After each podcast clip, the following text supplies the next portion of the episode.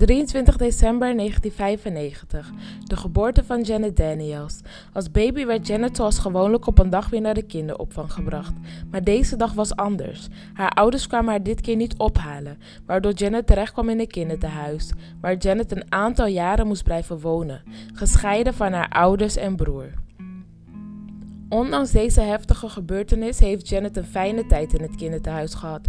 Er was openheid, begrip, veiligheid, eenheid, structuur, discipline en ruimte om jezelf te kunnen zijn. Totdat Janet op vijfjarige leeftijd werd geadopteerd door haar oma, de moeder van haar moeder. Janet keek er naar uit om daar te gaan wonen, omdat ze dan weer herenigd zou worden met haar twee jaar oudere broer. Janet ging bij haar oma wonen en kwam er al gauw achter dat ze in een hele andere omgeving terecht was gekomen, qua opvoeding en levensstijl. Er was sprake van emotionele verwaarlozing, geslotenheid. Janet, die nog nooit pak slaag had gekregen, kreeg opeens pak slaag. En niet met de hand, maar met, met riem, met, met, met, met, met, met, met, met, met, met, met slipper, met stok. Daarnaast was er ook sprake van huiselijk geweld en armoede. En noem maar op. De oma van Janet had een tienerzoon die daar ook woonde. Hij was dus de oom van Janet. Haar oom terroriseerde het hele huis door laat in de avond agressief thuis te komen, waarbij hij geld en pinpassen begon op te eisen van Janet haar oma en begon tegelijkertijd ramen, spullen, deuren, glazen kapot te slaan. Hij ging dreigen, schelden en liep met gevaarlijke voorwerpen rond te zwaaien, waardoor Janet en haar broer regelmatig midden in de nacht bij de buren moesten schuilen voor hun veiligheid, horende hoe hun oom met veel geweld in de boeien werd geslagen door de politie en tegelijkertijd schreeuwde dat hij ze allemaal gaat vermoorden als hij weer terug is. Het was een keer zelfs zo ver gekomen dat hij Janet optilde en hard op de grond gooide. Maar keer op keer liet haar oma het weer toe om hem weer in huis te halen, waardoor huiselijk geweld een terugkerende gebeurtenis was. Doordat het huiselijk geweld voornamelijk plaatsvond in de nacht, had dat ook negatieve invloed op Janet haar aanwezigheid op school.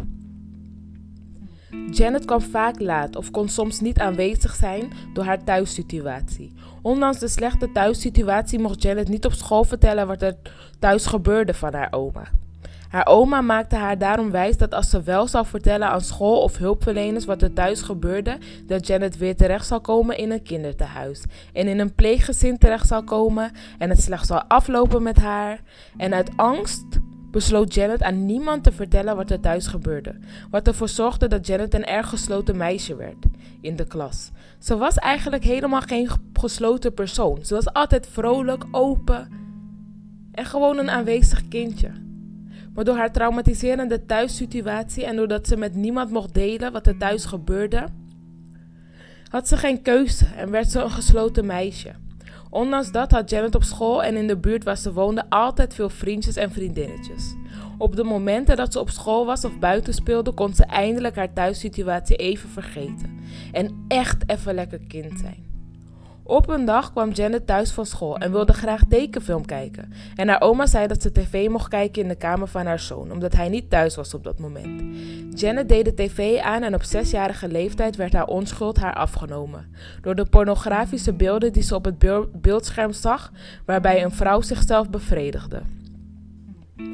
Janet bleef kijken, omdat ze zich er bewust van was dat als er, als er gekust of geknuffeld werd in een film, ze altijd haar ogen dicht moest doen van haar oma. En nu was ze alleen en wilde ze graag weten: waarom moet ik nou altijd mijn ogen dicht doen?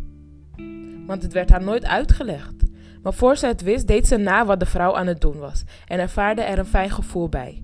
Wat ervoor zorgde dat Janet al op zesjarige leeftijd verslaafd raakte aan porno kijken en zelfbevrediging, waar niets en niemand van af wist. Dit deed ze altijd stiekem. Ook kwam de moeder van Janet wel eens onverwachts over de vloer bij haar oma en bracht even tijd met Janet en haar broer door. En maakte dan altijd loze beloftes dat ze de volgende dag weer terug zou komen en iets leuks met Janet en haar broer zou gaan doen of een cadeau mee zou nemen. Maar ze liet uiteindelijk maandenlang niks van zich horen. En dan opeens stond ze na maandenlang spoorloos te zijn geweest op het schoolplein te wachten op Janet en haar broer, zonder enige uitleg. En voor je het wist, was ze weer maandenlang nergens te bekennen. En dit deed zich jarenlang voor, waardoor Janet haar moeder eigenlijk nooit heeft leren kennen. Janet was een gevoelig meisje in een harde omgeving. Als kind kon ze al heel aandachtig mensen bestuderen en goed doorvragen. En ze was altijd haar omgeving aan het monitoren en aan het aftasten hoe iemand zich voelde. Daardoor ontwikkelde ze een fascinatie voor het menselijk gedrag. Ze ving alle uitdrukkingen, gevoelens en signalen op en ze zag het direct als iemand niet lekker in zijn of haar vel zat. Als kind heeft dat haar geholpen om te overleven. Waardoor Janet op een bewuste dag op zesjarige leeftijd ervoor koos om zich af te sluiten naar de buitenwereld toe en zich naar niemand meer open te stellen. Want ze voelde zich door de buitenwereld niet gehoord, niet gezien, niet begrepen en totaal niet veilig. Ze besloot haar eigen beste vriendin te worden, als het ware. En dit deed ze door tegen haarzelf te praten op momenten dat ze de behoefte had om haar emoties en pijn met iemand te delen. Dat, deed, dat deelde ze dan met zichzelf. Want ondanks Janet haar jonge leeftijd was ze een erg wijs meisje. Na een aantal jaren kreeg Janet haar oma een nieuwe huis. En in die periode was er ook geconstateerd dat haar oom, die zorgde voor huiselijk geweld, psychische problemen had. En dat hij moest worden geplaatst in een instelling. In diezelfde periode kreeg Janet ook te horen dat haar moeder in een psychose is geraakt en dus was opgenomen in een kliniek. Ondanks alles keek Janet uit naar de verhuizing en was blij dat de zoon van haar oma weg was, zodat ze zich weer veilig kon voelen. Nadat ze waren ingetrokken in een nieuwe woning, ervaarde Janet eindelijk rust en veiligheid. Maar niets was minder waar. Het een was opgehouden, maar het ander begon. Een tante van Janet kwam daar tijdelijk wonen met haar vriend. En die vriend bleek net als Janet haar oom ook agressieproblemen te hebben. Maar dat uitte hij vooral in zijn relatie. En Janet zag hoe slecht hij haar tante soms behandelde. En soms zelfs in het bijzijn van Janet agressief gedrag vertoonde. Toen dit zich afspeelde was Janet al op een leeftijd dat ze op school seksuele voorlichting kreeg. En maakte ze ook een bewuste keuze om maag te blijven tot haar achttiende. En het is haar gelukt ook. Ook maakte Janet een bewuste keuze om geen enkele jongen toe te laten in haar leven, omdat de enige mannen die er als voorbeeldfiguur waren in haar leven agressieve mannen waren, die geen respect hadden voor vrouwen, waardoor Janet een slecht beeld had van mannen en angstig was dat dit haar ook zou overkomen in een relatie. Vanaf Janet haar 16e tot haar 18e was de relatie tussen haar en haar oma verslechterd. Want haar oma sprak veel negatieve en kleinerende dingen over Janet uit. En iets wat ze regelmatig tegen Janet zei was: Je gaat net zoals je moeder eindigen omdat Janet haar oma dit zo vaak tegen Janet zei, was dit als het ware Janet, Janet haar innerlijke stem geworden. Waardoor Janet op moeilijke momenten altijd dacht: stel je voor dat het echt zo is wat mijn oma heeft gezegd. En ik ook echt terecht kom in een instelling zoals mijn moeder. En mijn kinderen ook in de steek gaan laten. Allemaal gedachten die haar dagelijks bezig hielden. Janet was een makkelijk kind, ondanks de omstandigheden. En snapte ook niet waar al deze uitspraken van haar oma op gebaseerd waren. Op 18-jarige leeftijd was het de druppel voor Janet. Janet had weer eens ruzie gehad met haar oma. En haar oma begon weer te zeggen dat ze net als haar moeder gaat eindigen. Janet liep op dat moment naar haar kamer toe, keek zichzelf aan in de spiegel en zei tegen zichzelf: Oké, Janet, of je blijft hier wonen en gaat echt als je moeder eindigen. Want in zo'n omgeving snap ik wel dat iemand psychisch gestoord kan worden. En het zal me niet verbazen dat ze dit ook bij mijn, bij mijn moeder deed, waardoor mijn moeder er nu zo aan toe is. Of Janet, Janet, Janet. Of jij gaat nu die keuze maken om hier weg te gaan. En wat, wel wat van jouw leven te maken. Zodat jij wel goed terechtkomt. En dat jouw kinderen ook goed terechtkomen. En dat jij wel gewoon een hoopvolle toekomst hebt. En op latere leeftijd je moeder kan helpen. Janet koos er diezelfde dag nog voor om weg te gaan. En dat was ook gelijk de dag dat ze besloot om zichzelf weer open te stellen naar mensen toe. Zodat ze de hulp kon krijgen die ze nodig had in deze situatie. Ondanks Janet, Janet onverwachts weg was gegaan bij haar oma, nam haar oma en haar familie niet eens de moeite om contact met haar op te nemen en te vragen waar Janet was. Waardoor Janet eigenlijk blij was dat ze weg was gegaan. Omdat ze daardoor het gevoel kreeg dat de enige familie die ze dan had, niet eens genoeg om haar gaf om te vragen waar ze was en zich niet eens zorgen maakte. Janet verbleef tijdelijk bij verschillende vriendinnen, waarbij sommige vriendinnen, tussen haakjes, zelfs geld en kleren van haar stilden, wetende waar Janet doorheen ging. Maar toen kwam ze toevallig een oude vriendin van school tegen en kon ze daar voor een langere periode terecht, zodat ze een vaste plek had. Kort daarna kreeg Janet haar eerste relatie en raakte na een aantal maanden zwanger. Toen ze drie maanden zwanger was, heeft ze de relatie verbroken. Omdat de jongen waar Janet een relatie mee had trekjes vertoonde die haar oom ook vertoonde op de momenten dat hij boos was.